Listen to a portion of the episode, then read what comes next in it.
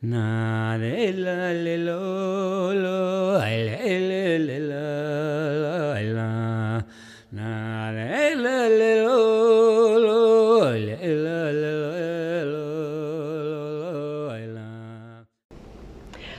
og velkommen til museumspodkast.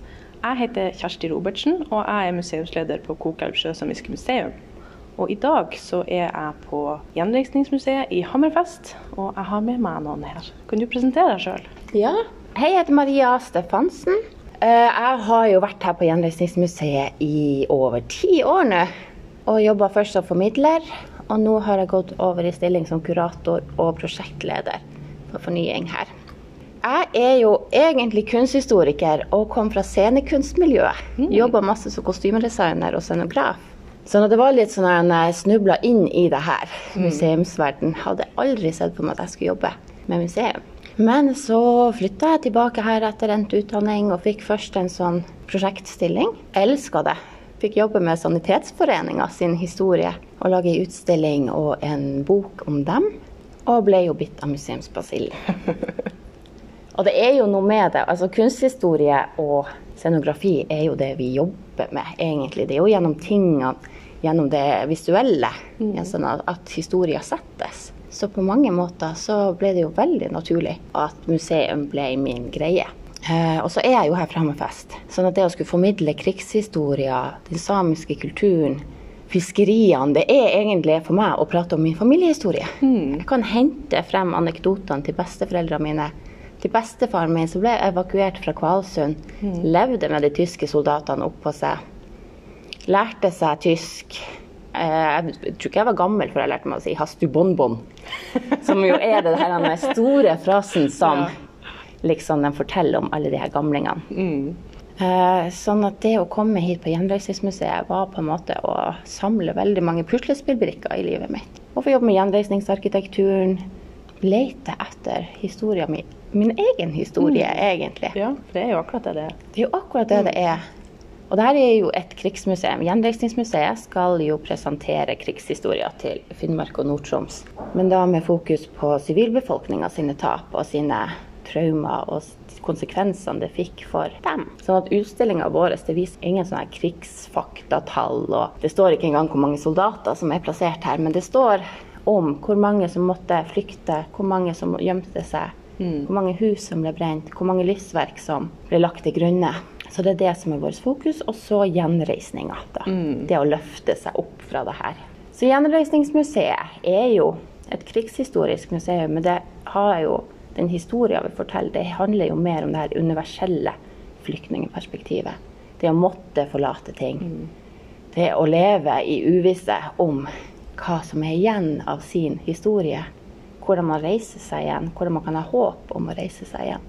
Så de siste årene så er det jo mye det som har vært fokuset mitt i formidling og i prosjekter. At vi skal prate om flyktninghistorier uavhengig av sted, av tid, av geografiske plasseringer. Men heller fokusere på det her universelle om, om maktesløshet, om frykt, om eh, å holde et håp oppe.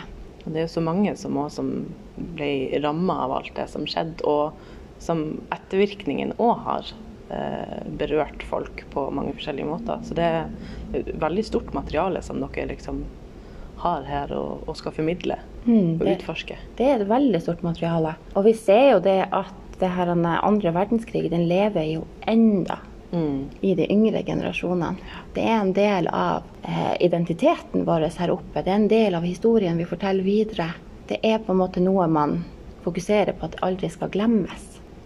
Eh, sånn at når jeg har hatt skoleklasser helt ned i første, andre, så bruker jeg å spørre dem er det noen av dere som har hørt om noen av familien deres har vært med på det her. Har dere fått noen historier? Og da er det jo veldig mange som allerede nå allerede da vet at ja, nei, min oldefar han bodde i hula på Sørøya. Min oldemor hun ble født i hula på Ja. Sørøya. Altså, de vet allerede fra en så ung alder om historiene sine.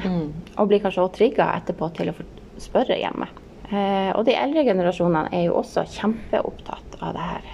Og det å formidle videre og fortelle og skrive og bringe det. Og vi ser jo også nå holder vi på å ferdigstille to doktorgrader her på museet. Ok. Som har forska på evakueringa og flyktningetilværelsen i sør, frigjøringa av Vest-Finnmark, og funnet veldig mange nye perspektiver inn i det. Så det blir veldig spennende å se hvordan de vil tilføre museet sin eh, hovedutstilling og de fortellingene vi har videre. For det er jo så mange nyanser og så mange fortellinger i det her. Utrolig spennende. det. Mm. Det er det. Du snakka om, om utstillinger. Hva slags utstillinger er det dere har? Vi har ei hovedutstilling. Det er jo vår baseutstilling, som på en måte skal være den nasjonale utstillinga om eh, tilintetgjørelsen, krig og gjenreisning. Mm. Evakueringa og gjenreisninga av Finnmark. Sånn at den er jo veldig eh, generell. Den prater ikke om ett sted. Den har Mm. Finnmark og Nord-Troms som fokus i fortellinga si. Og samle det. Så Samtidig så har man jo litt mer eh, andre ting der òg. Vi begynt f.eks. med et steinalderrom. Mm. Så for mange er det sånn her Hæ? Eh, hvorfor er det her i et krigsmuseum? Det er liksom introen. Men samtidig så er det jo kanskje noe med det at når vi går i gaten rundt oss, så ser jo historia, den visuelle historia til Finnmark er jo bare snart 80 år gammel. Sånn at jeg syns jo det er kjempeviktig å minne folk på at her har folk bodd i 10 000 år. Her har folk levd med naturen, med de ressursene som er her i snart 10 000 år. Eller over 10 000 år. Sånn at eh, det er jo naturlig at vi har med at vi også prater om det og viser frem de funnene.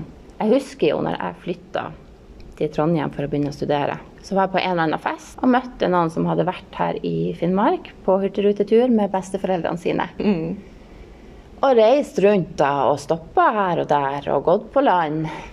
Og han spurte meg men hvorfor har de revet alt og bygd alle de her 70-tallsarkitekturen.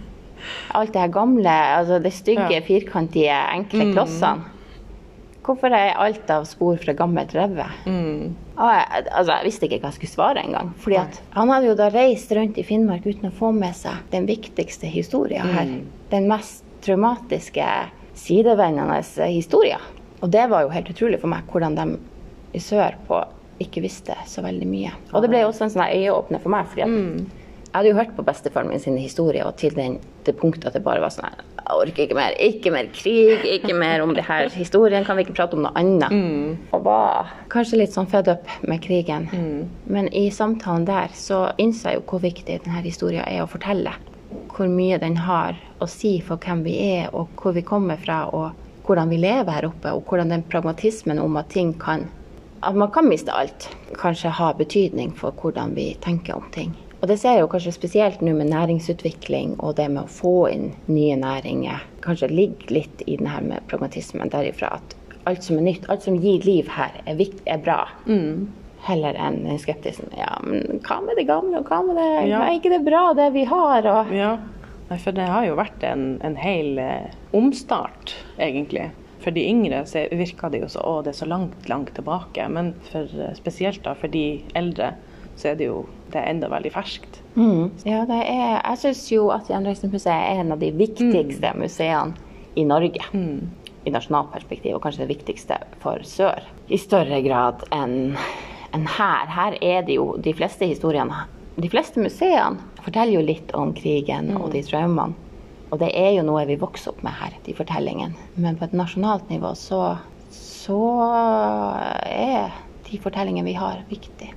Men jeg ser jo også nå, vi jobber jo veldig mye de siste årene med det lokalhistoriske perspektivet også. For vi har jo et ansvar som lokalmuseum til å bidra til å fortelle historien herifra og være en endringsfaktor i det lokale samfunnet. Og da er det jo det her sjøsamiske perspektivet som har blitt viktig for oss å få frem. Altså vi har jobba mye med. For den, det forsvinner jo litt mellom linjene i krigshistoriefortellinga. Vi har jo et samisk rom her på museet, men det er innlandssamisk. Det er reindriftssamisk. Og vi er jo på kysten. Og vi er jo på kysten, sånn at for meg er jo det sånn her Hæ? Hvorfor forteller vi ikke vår egen historie her? Eh, men det her museet ble jo bygd i 1998, og da skapt på 90-tallet. Slutten av 90-tallet. Og det sjøsamiske var jo enda ikke så fremtredende. Det var enda noe som man egentlig var litt stille om. De generasjonene som opplevde fornorskninga, var jo enda ganske, ganske ung, egentlig. Sånn at jeg tror det bare var naturlig å gå til det reindriftssamiske, fordi at det var en fortelling som var kjent. Det var gjort mye arbeid på hvordan de har levd, hvordan dodgien har vært framført, hvordan tradisjoner man har der. I tillegg til at det sjøsamiske er jo en del av kystbefolkninga. Det er jo ikke store forskjeller på nordmenn, på kvener, på sjøsamer her på kysten. Det er litt vanskelig noen ganger. Det kan komme folk og spørre ja, men hva, hva er forskjellen på de norske befolkninga her i området og den samiske befolkninga? Og det er et vanskelig spørsmål, egentlig. Ja, altså det er jo ikke noe forskjell. Det er veldig, veldig flytende. Veldig flytende. Men likevel så viktig å, å få fram, da, for det er jo mange som kommer innom hos oss i Kokal annet, med forventninger om at de kommer på samisk museum og da skal få se reindrift. Og det innlandssamiske. Eh, og ja, det er jo en del reindrift eh, på kystområdene òg, men det er jo på en annen tid på året. Og derfor ikke alle de her vinterbildene av reinflokkene og sånt. Det er en helt annen Altså det er den andre sida som kanskje ikke vises så masse på de innlandssamiske museene. Eh, så ja, nei, det, er- det er viktig å få fram det sjøsamiske. Det er det. Og jeg husker jeg fikk besøk av to journalister fra Skottland her. Som jeg skulle liksom vise rundt. Og så kom vi mot slutten og var liksom inne i det samiske rommet. Og begynte å prate om den samiske befolkninga i Finnmark. Så sier de til meg at nå har vi reist rundt i nesten hele Finnmark, men vi har ennå ikke sett en same. Eller de hadde reist med Hurtigruta, sånn at Ja. de hadde vært på kysten. Ja. Og vi har ennå ikke sett en same. Og jeg ble litt sånn Hanne, Men dere står og prater med en akkurat nå. Hva Ja. du tror, altså, hva dere tenker at skal møte dere? Mm. Og de hadde jo kanskje sett for seg at de, man var koftekledd og Mm. Hele tida. hele tida og var veldig sånn her er visuelt samisk. Postkortsamisk. Men det altså, vi er jo et et mangfold av Mm. identiteter. Det er jo, altså, du, du går jo ikke på gata og ser at det er noen som er norsk, Nei. eller eh, fra Eritrea, eller Du kan jo ikke alltid peke på at et menneske er sånn og sånn. Mm. Eh, sånn at det var sånn litt sånn øyeåpner på meg hvordan det samiske har blitt postkortsamisk her oppe. Og så husker jeg òg jeg var nå eh, i år. Leverte ungen min i barnehagen på Samefolkets dag. Og de har rigga seg til liksom ute. De skulle ha utendørsaktiviteter. Og de har satt opp en lavvo. Eh, De har satt opp stativ for lassokasting. De har eh, reinsdyrhorn. Og bare Men det her har jo ingenting med hennes samiske historie. Hvem hun er som same. For vi er jo sjøsamer. Vår familie drev med fiske og gårdsbruk. Jeg lærte meg å sløye fisk før jeg begynte på skolen. Man lærte seg sånne ting. Vi har jo aldri hatt en lasso i familien. Jeg husker også Ingar Eira sa på en eh, utstillingsåpning Vi hadde en samtale om sjøsamisk identitet i regionen, i kommunen. Eh, og han sa at han hadde vært med på et arbeidsutvalg for en barnehage som skulle ha da en samisk lekeplass. Og der var det også de her eh, lassoen og lavvoen og alle de innlandssamiske, reindriftssamiske symbolene som blir trukket frem. Og han var også sånn Men vi har jo en egen fortelling vi må fortelle. Vi har jo egne tradisjoner, egne kunnskaper som må ivaretas. Mm. Da må det jo jobbes med hvordan skal vi få fram det sjøsamiske, og hvordan skal vi formidle det, både det samiske og det sjøsamiske. da. Og det jobber jo dere med nå. Kan du fortelle litt om eh, hva dere holder på med nå? Eh, vi har jo jobba eh, noen år med det her. Eh, litt sånn av og på i forhold til ressurser og muligheter. Sånn at, men de siste årene så har jeg jobba med i hvert fall i en gang i året ha et prosjekt der vi kan prate om det sjøsamiske. Og med den fagbakgrunnen jeg har, som kommer fra kunsthistorie, og som ser den Altså, det å fortelle historie gjennom kunst syns jeg er utrolig verdifullt. Kunsten har jo en autonomi i seg som gjør at eh, rommet for refleksjon og diskusjon er mye større.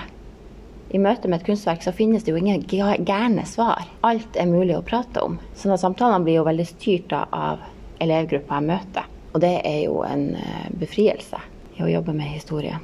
Sånn at nå sist i eh, år, vår, det skulle egentlig være i fjor, men pga. korona så ble det utsatt til i vår så hadde vi ei utstilling med en bergensk fotograf som heter Terje Abusdal, som var her oppe og jobba med den sjøsamiske identiteten i kommunen. Og det er jo noe med å få utenforstående blikk på det her. For det kan jo fort bli feil. Eller man, det føles kanskje som om Ja, men de forstår meg ikke i det hele tatt. Ja. De ser ikke hva vi egentlig prater om. Men han, han klarte på mange måter å se hvordan det sjøsamiske er infiltrert i historien til kysten. Uten å eksotifisere noe, uten å skille ut noe, men heller se etter de små glimtene Ja. som finnes der. Den lille kråkesølven i berget Ja. klarte han å finne. Og han skapte jo fotografier i møte med naturen og i møte med menneskene han intervjua. Han jobba Han hadde en lang researchperiode her oppe, i tillegg til at han leste mye, prata mye med folk. Og skapte det her prosjektet i samarbeid med sine informanter, sine kilder her. Så den ble veldig fin, for den var veldig åpen. I tillegg til at han jobba med Marion Palmer med det og trakk hennes bok. Det begynte egentlig Han skulle egentlig jobbe med krigen og tilintetgjørelsen. Så ba han om å lese Marion Palmers bok, 'Bare kirka sto igjen'. Fordi for meg er den sånn Det er en av de viktigste bøkene for å forstå området her, og hva som skjedde. Og så leste han den, og så ringer han meg, og så sier han Maria, jeg tror at det vi skal jobbe med nå, det jeg syns kanskje kommer frem her, det er det sjøsamiske. Og hvordan krigen på mange måter var det endelige fornorskninga. Ja. Og jeg har jo i mange år liksom prata i formidlinga bare ja, de reiste som samer, kom tilbake som nordmenn. Uten at vi egentlig har jobba masse med det her. Sånn at eh, når han foreslo det, så var det bare sånn Yes, det er det jeg ville jobbe med nå. Det er det vi trenger å prate om. Og med Marion sitt prosjekt også, eh, der hun har samla inn ord og uttrykk fra den sjøsamiske dialekta i Kvalsund-området, som gikk som en sånn lydspor i utstillinga, Som ble det veldig fint. Eh, og nå skal vi jo jobbe med Vi holder på med et prosjekt nå sammen med eh, Samisk senter for samtidskunst, Sami Daidagodas, og Arahavde, som er i prosjektgruppa som har jobba her i kommunen for å løfte den sjøsamiske identiteten, historiene, fortellingene. Og med en stor utstilling til høsten. Vi skal åpne 25.9, og da har jo jeg invitert dere til å være med. Ja. Kroken museum skal jo også inn som en samarbeidspartner her. Eh, og her er det jo kunsten som det begynte med. Det begynte med at det skulle være en kunstutstilling. Men i den samiske kulturen så er jo ikke kunst og f.eks. kunsthåndverk skilt ut som veldig Altså, du trenger det ene i produksjonen av andre. Eh, Dodgen er jo den første kunstutdanninga man får, egentlig. Ja. Fra barnsbein av å se familiemedlemmer. Det er der man kommer inn i materialene, i det visuelle, i estetikken, i det å bruke naturen. Og så er det jo òg mange kunstnere som forteller om historien. F.eks. Joar Nango, som, har, som er en av kunstnerne som skal være med, med sitt uh, kveitemageprosjekt. Han har garva kveitemager. Det er jo en gammel sjøsamisk teknikk. Sånn at jeg tenker at det er naturlig nå at vi blander kunsten og det kulturhistoriske perspektivet. Lage en utstilling som handler om sjøsamiske historier, hvem vi er, hvor vi kom fra, hva som har vært viktig. Vi har eh, mye kart, litt for å vise det her med at sjøveien er det som var hovedfartsåren. Og hvordan f.eks. Kokelv Ja. er i Hammerfest kommune nå istedenfor Lakselv. Fordi at Kokelv var jo knytta til Kvalsund og Hammerfest, sjøveien. Ja. Men nå via, via bilveien så er det jo mer naturlig at dere skulle vært i Lakselv eller Måsøy eller ja. Sånn at den havveien og havet er eh, Den heter 'Havet omkring oss', utstillinga. Fordi det er jo det som er referansepunktet vårt. Det er jo det som vi kommer tilbake til. Eh, hun ene i prosjektet hun fortalte var at de hadde hatt intervju med en gammel mann som ikke, ikke kunne være samisk. Altså den fami Familien var, var en kystbefolkning. Men hver gang han skulle ut på fiske, og idet motoren satte i gang, så joika han. For da tok motoren støyen. Da kunne han joike og være fritt. Og havet rundt seg og den åpenheten Ja. det bringer på. Så det syns jeg var et sånn vakkert og trist bilde på det. Samtidig som vi har havveien, vi har fisken, vi har ressursene som ligger der, som er viktige. Men det blir jo ikke en utstilling heller som liksom skal eksotifisere eller gjøre den sjøsamiske befolkninga til noe unikt. Fordi at det er jo som vi prata om innledningsvis, at det er vanskelig å se skillelinjene mellom den ene kulturen og den andre. Nordmenn kunne prate samisk, de kunne prate kvensk. Alle blanda jo språk her oppe. Man lærte seg jo hverandres språk i hverdagen. Og i en sjøsamisk kommune, selv om det var nordmenn der, og selv om det kanskje var engelskmenn, så ville de jo lære seg samisk. Mm. For det var majoritetsspråket. Eh, Sånn at det å skal lete etter en sjøsamisk historie i førkrigstida, det er, det er som å lete etter nåler i høysaken. Jeg har gått gjennom en fotosamling i det siste som liksom det viser sjøsamisk liv. Å komme fra en sjøsamisk familie. Og jeg er liksom deres privatalbum, men det er jo ikke ei kofte å finne der. Når de skulle på bytur, så er de jo kledd i de fine, altså fine sommerkjoler, de har dress på seg. Og først var det jo litt sånn her en skuffelse. bare, ah, men jeg må jo finne det må jo finnes noen spor av det samiske her, men samtidig så er det jo helt naturlig. Det var jo, Fornorskninga fikk jo veldig mye sterkere grep her på kysten, fordi at du måtte bli norsk for å eie den jorda du drev gårdsbruk på, der du hadde naustet ditt. Du var nødt til det. Og når det samiske da er øh, skjøvet bort Så selvfølgelig, du- altså, du kler deg jo i sommerkjole, og du har jo lyst til å være fin på bytur. Det er jo det som er, det som er greia der du bor. Mm. Det er jo som om eh, hvis vi skulle flytta til, til La oss si Afrika. Altså, vi hadde jo ikke kommet i allværsjakke, og vi hadde jo kledd oss etter forholdene, etter hvordan folk rundt oss kledde seg. Afrika ble jo veldig hvitt. Veldig hvitt. Men uh, man prøver jo alltid å ligne på andre. Det er jo noe med oss som flokkdyr og som mennesker. Og damer vil jo alltid se fine ut. Og trendy og vakker og krøllete hår. Og, Sånn at de er jo kjempeflott. Nydelig på de bildene. Ja. Eh, men jeg finner jo ikke de sporene som jeg tenkte jeg lette etter. Men samtidig så syns jo jeg at det er, det er en viktig fortelling i seg sjøl. Nettopp fordi at det samiske er der, men det er en del av et større bilde. Og det er noe med å anerkjenne at det sjøsamiske er også kystbefolkninga. Ja. De historiene ligger også der. Og sjøl så vokste jeg jo opp med en bevissthet om at vår familie kom fra sjøsamiske aner, men det er jo bare en del av den. Den kommer jo også fra Lofoten og Vesterålen. Og det tror jeg jo også er symptomatisk for veldig mye av kystbefolkninga her, at vi kommer fra mange greiner. Og det skulle være én ting eller den andre tingen. Vi er den vi er. En miks av alle inn, eh, innspill som har kommet, og kom, ja, alle røttene man har. Og det russiske står jo også sterkt her på kysten. Absolutt. Og ishavsfangsten med alle innvandrerne som kom der. Vi har jo alltid vært flerkulturelle. Eh, sånn at kanskje derfor også så blir det litt mer eh, flytende, de linjene. Ja, det vil være unaturlig å skal skille det helt. Fordi at det flyter sånn. Det, det, som havet som flyter. Det er satt sammen av alt mulig. Og du får elveløp inn i det, Mm. som mikser seg. Så det er, det er veldig masse forskjellig. Du har jo samme i, i, i Porsanger kommune.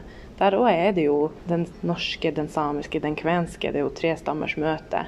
Men der òg er det jo det at det, det flyter. Det flyter. Det er vanskelig å si hvem som var helt det og helt det. De snakka kvensk, og de snakka samisk, og de snakka norsk. Ja.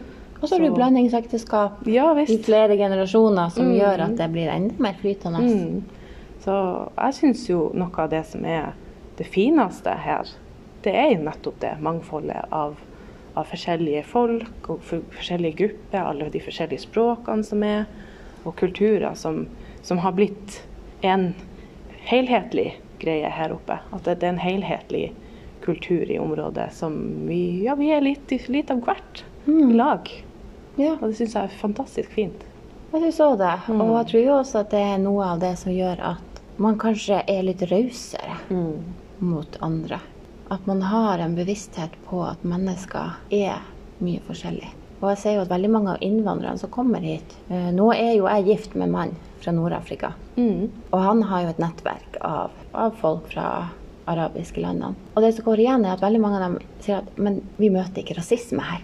Det er veldig befriende. Også, og at de kanskje har vært sørpå og møtt en helt annen måte å eller blitt møtt på en helt annen måte. Ja. Uh, og det tror jeg det handler litt om at vi har den her flerkulturelle, men vi har også den nedbrenninga. Vi har, vi har et mangfold, og vi har mista. Sånn at vi har kanskje en helt annen måte å, å ta imot andre på. Uh, men det jeg egentlig skulle begynne på med den her barndommen min, er jo det her med at vi, vi vokste jo opp med denne kunnskapen om at vi hadde samisk familie. Eh, Men det var jo ingen av oss som lærte samisk, eller at kofta var noe naturlig. For det var jo ikke sjøsamiske kofter på 80-tallet. Det var jo ikke en del av det. Eller det var jo det, men det var ikke veldig omtalt, og i hvert fall ikke i Hammerfest. Hammerfest er jo, har jo vært veldig opptatt av å være en by og ikke være en sjøsamisk bygd. og du har enormt mange som bare fornekter det at en gang så var det her et sjøsamisk fiskevær. Før det kom kirkested, før det kom rettssted, før det her ble et eh, sentrum. Sånn at eh, det var liksom ikke naturlig at vi skulle være samisk og utad. Det var en del av det, men det var liksom historie. Den gang da, i den samiske tida, så var familien samisk, men nå var vi norsk. I den samiske tida, det er jo et begrep som Marion plukka opp i samtale med Elrik Valsund når de skulle fortelle. Så var det gjerne det her i den samiske tida. Den gang da i den samiske tida. Og det syns jeg er fantastisk, for det, for, det forteller jo om hvordan det på en måte var noe forbigått. Hvordan evakueringa ble den endelige fornorskninga og gjenreisninga. Men etter hvert som jeg jobba her på museet. Ble bedre kjent med hva sjøsamisk kultur var, sjøsamisk identitet. At det fantes flere forskjellige samer. Eh, Jeg tror ikke egentlig at vi, det var prat om noe sjøsamisk eller reindriftssamisk, at vi, vi var bare samisk. Det var liksom ikke noe, noe prat om de her skillelinjene. Eh, Her får vi jo et eksempel i bakgrunnen. Her kommer det Hurtigruta som tuter. Kanskje vi hører det på lydsporet. Hammerfest er jo en havnesentrum der, der kommunikasjon med omverdenen har vært veldig viktig, og derfor også det sjøsamiske kanskje var noe som ikke var så viktig å fortelle om. Men etter hvert på museet her så ble det jo kjempemye mye, mye viktigere, og i møte med Marions bok. Den kom jo ut akkurat da jeg begynte å jobbe her. Ja. Der bestefaren min sin fortelling var en del av det, og hans familie hadde, var en del av det. Og jeg fant på konfirmasjonsbilde av han i boka. og jeg begynte å prate mer internt i familien om det, sånn at etter hvert så ble det viktigere for meg å fronte det at jeg er sjøsame. Å være en av dem i byen som bare Ja, jeg er sjøsame. Vi finnes her. Vi er en del av det bildet. Vår historie er viktig. Og ja, vi kan være både og. At man anerkjenner det at det er For sjøsamer så er det kanskje naturlig at vi er både og. At man ikke velger det ene eller det andre. For det, hvordan gjør man det? Hvordan velger man det ene eller det andre? Skal man ta og da og forkaste besteforeldrene som kommer fra Vesterålen og Lofoten? De er ikke viktige. Mm. Men da tar man jo bort en del av seg sjøl. Da tar man bort en del av seg sjøl. Skal man ikke få lov til å være heil da? Mm. Det er jo det som er så dumt, hvis man skal bare være den ene. Ja. Da er man plutselig ikke hele. Nei. Og da er det jo noen røtter og noen fortellinger som forsvinner i det hele bildet. For de er jo også en del av den fortellinga om Finnmark som flytta hit med Findus-oppbygginga og er Findus-innvandrere. Og det er jo en viktig fortelling å ha med seg. Sånn at for meg ble det veldig unaturlig å skulle velge noe, men ekstremt viktig å ta inn det sjøsamiske. At det er en del av min fortelling. Eh, Sånn at nå, til 35-årsdagen min, så sydde jeg meg min egen kofte. Kvalsund-kofte. Og bruker det med stolthet. Eh, Og søsteren min har også fått seg kofte. Jeg sydde til dem og i bursdagsgaver. Sånn at nå er vi jo synlige som sjøsamisk. Men jeg kan jo like gjerne ha på meg en bunad en annen festdag. Det, jeg veksla litt, ettersom hva som føltes naturlig. I år så ble det det- samekofta. I fjor så hadde jeg bunad. Men det er jo litt vittig. Eh, Dattera mi hun er jo tre år. Og hun er jo da hva man skal kalle det? Norsk-samisk muslim. Rett og slett. Kulturrådets drømmekandidat. Eh, når, og det var jo ramadan nå i vår, og så spurte vi henne hvordan Det er viktig det her med nye klær til eid. Akkurat som det er viktig med nye klær til jul. Hvordan kjole har du lyst på til eid? Nei, hun skulle ha samekofte. Det ville hun ha. For jeg hadde, hun hadde en da hun var baby som hun sydde, men den har jo ikke passa på siden da. Og så har jeg vært sånn, «Å, gidder jeg å sy til en treåring, liksom. Den er jo for liten til neste år. Nei, hun skulle ha det. Så da var det jo bare å sette seg ned og sy. Og hun var så stolt. Så stolt! Der hun gikk og svinsa rundt. Ja. Å, det er fint. Mm. Og det tenker jeg, det er, det er jo eh, Hun er superheldig som har alle de her fotene å stå på. Så mange inntrykk og så mange tradisjoner og så mye kulturer å, å få oppleve. ta del i Ja. fellesskap. Hun Ta har del. mange fellesskap hun Og kan ta del i. fellesskap å ta del i, og det har jo vi her på kysten. Mm. Det er jo det som er fantastisk. Vi har mange fellesskap å ta del i. Mange historier å fortelle. Mange muligheter til å lære oss tradisjoner. Lære oss gamle ting. Så det er jo en av de tingene som jeg har lyst til å få frem med denne utstillinga i formidlinga. At det her er en del av det. Det her er historien som vi lever med. Og de er sjøsamisk, men de er jo også noe som er kyst-Finnmark og befolkninga der. F.eks. For fortellingen om Draugen. Det syns jo jeg er en av de her største eh, markørene på det. egentlig, For jeg har vokst opp med Draugen. Draugen har jo vært en viktig eh, for Jeg husker jeg brukte å skremme lillesøstera mi med det. At der, se, der er Draugen. Hun sprang. Men det finner, altså, Draugen finner vi jo i de sjøsamiske beretningene. Mm.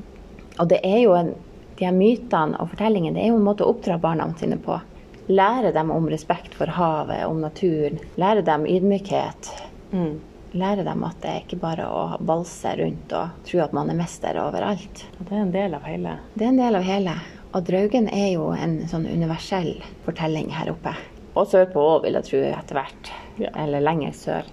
Så har man jo sine egne versjoner av det. Ja, er noe å vise at man kan være både og, og at det er flytende. Veldig. Men at det finnes noen fortellinger og noen tradisjoner som kommer fra det samiske som er, er viktig å anerkjenne som samisk og ta vare på. Mm. Og vi vil jo ha dere med på Hekke museet. Og få frem den kulturhistoriske biten og få frem de elementene. Omgjøre det reindriftssamiske rommet til et sjøsamisk rom. Ja, det blir veldig spennende. Det blir veldig spennende. Så jeg gleder meg masse Mm. til det her. Dere skal jo komme på besøk til oss og se på eh, gjenstandene som vi har. Mm. Og se hvordan skal vi Hvordan skal vi bruke det her? Ja. Så det, det er artig. Skikkelig morsomt å holde på med. Ja. Og så syns jeg jo det er også veldig kult nå når uh, Hammerfest har blitt en storkommune. Og jeg har jo alltid uh, tenkt på at det her Koka sjøsamiske museum, det, det må jo komme mer frem.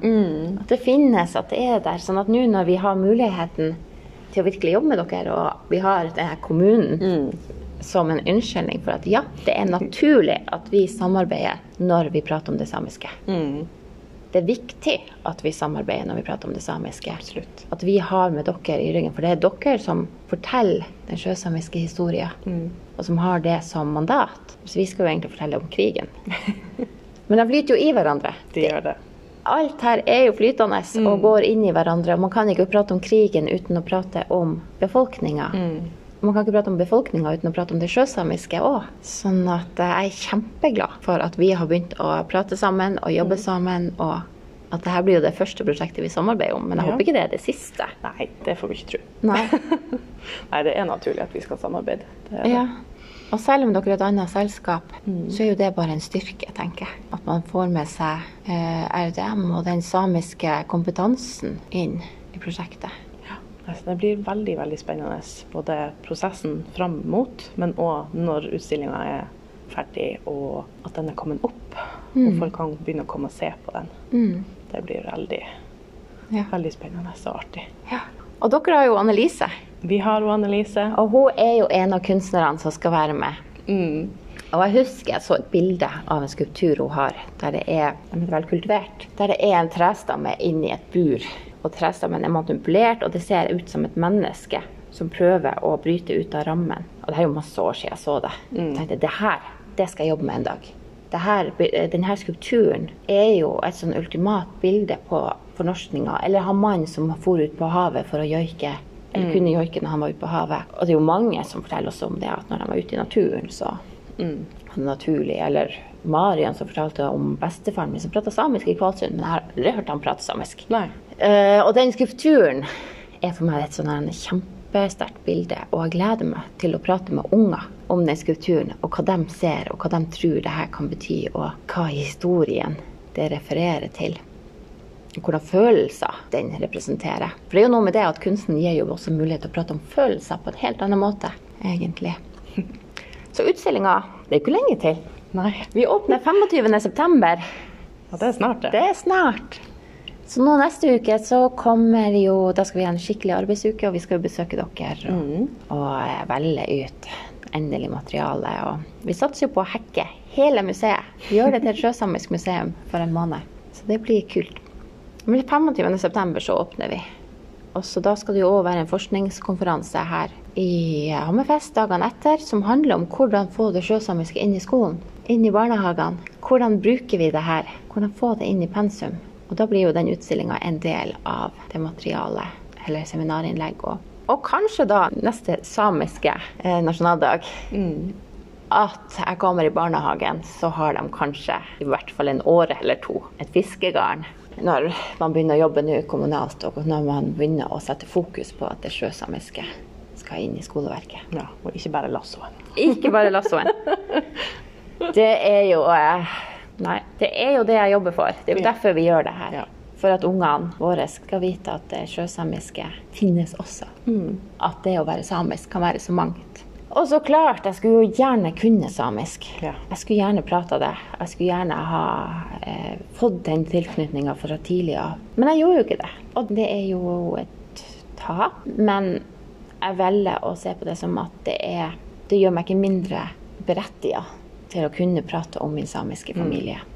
For det er jo mange som sier at ja, men jeg prater ikke samisk, og jeg har aldri eh, Jeg kan ikke være samisk, da.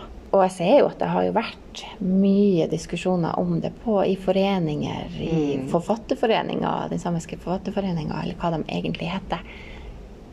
Så jeg jo at det var en stor sak Ja. om det her med samiske forfattere. Og man kunne kalle seg en samisk forfatter når man ikke skrev på samisk. Og Mm. Det er jo problematisk at vi innad i Finnmark har de her diskusjonene. At noen ikke kan anerkjenne det å være både og. Mm. Men jeg har jo full forståelse for det også, fordi at i Norge så er det jo viktig å være samisk.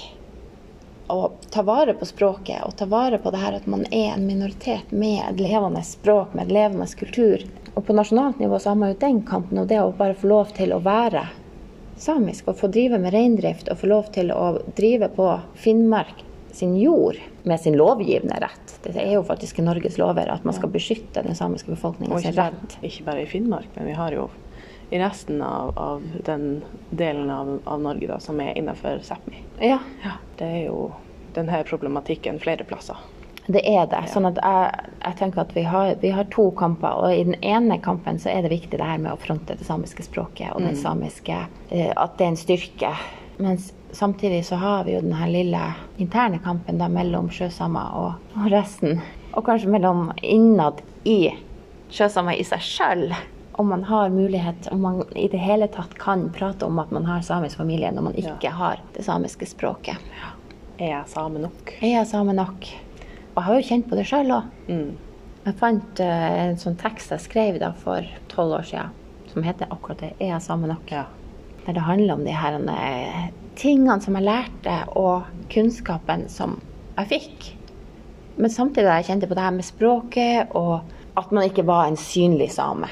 At ikke noen kunne liksom se at jeg var samisk, eller høre at jeg var samisk, eller har man lov da til å si at man er noe. Så jeg tror det er kjempeviktig at vi her i Hammerfest jobber med å gi folk en styrke til å kunne være både og, i det minste. Takk for at dere hørte på denne episoden. Ha det bra!